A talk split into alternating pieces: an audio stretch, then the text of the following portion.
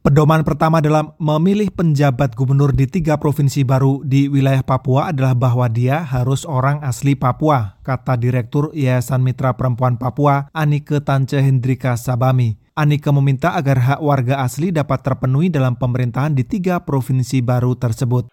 Ya itu jelas sekali diatur di dalam Undang-Undang Nomor 2 Tahun 2021 tentang otonomi khusus bagi Provinsi Papua, di mana di Peraturan Pemerintah Nomor 106 atau 107 itu memberi proteksi terhadap keaslian Papua. Peraturan Pemerintah Nomor 106 Tahun 2021 mengatur kewenangan dan kelembagaan pelaksanaan kebijakan otonomi khusus Provinsi Papua. Sementara peraturan pemerintah nomor 107 adalah tentang penerimaan, pengelolaan, pengawasan, dan rencana induk percepatan pembangunan dalam rangka pelaksanaan otonomi khusus Provinsi Papua aturan hukum yang sudah dibuat tambah Anike harus ditaati oleh pemerintah pusat sendiri. Bagi saya, supaya penegakan konstitusinya jelas bahwa menghadirkan provinsi baru di tanah Papua, secara khusus di beberapa DOB baru, itu mesti mendorong orang asli Papua. Meski begitu, ada syarat lain yang juga sama penting, yaitu bahwa orang asli Papua itu harus netral dari kepentingan politik. Figur yang netral akan membebaskan penjabat gubernur dari kepentingan politik praktis praktis dan investasi politik ke depan.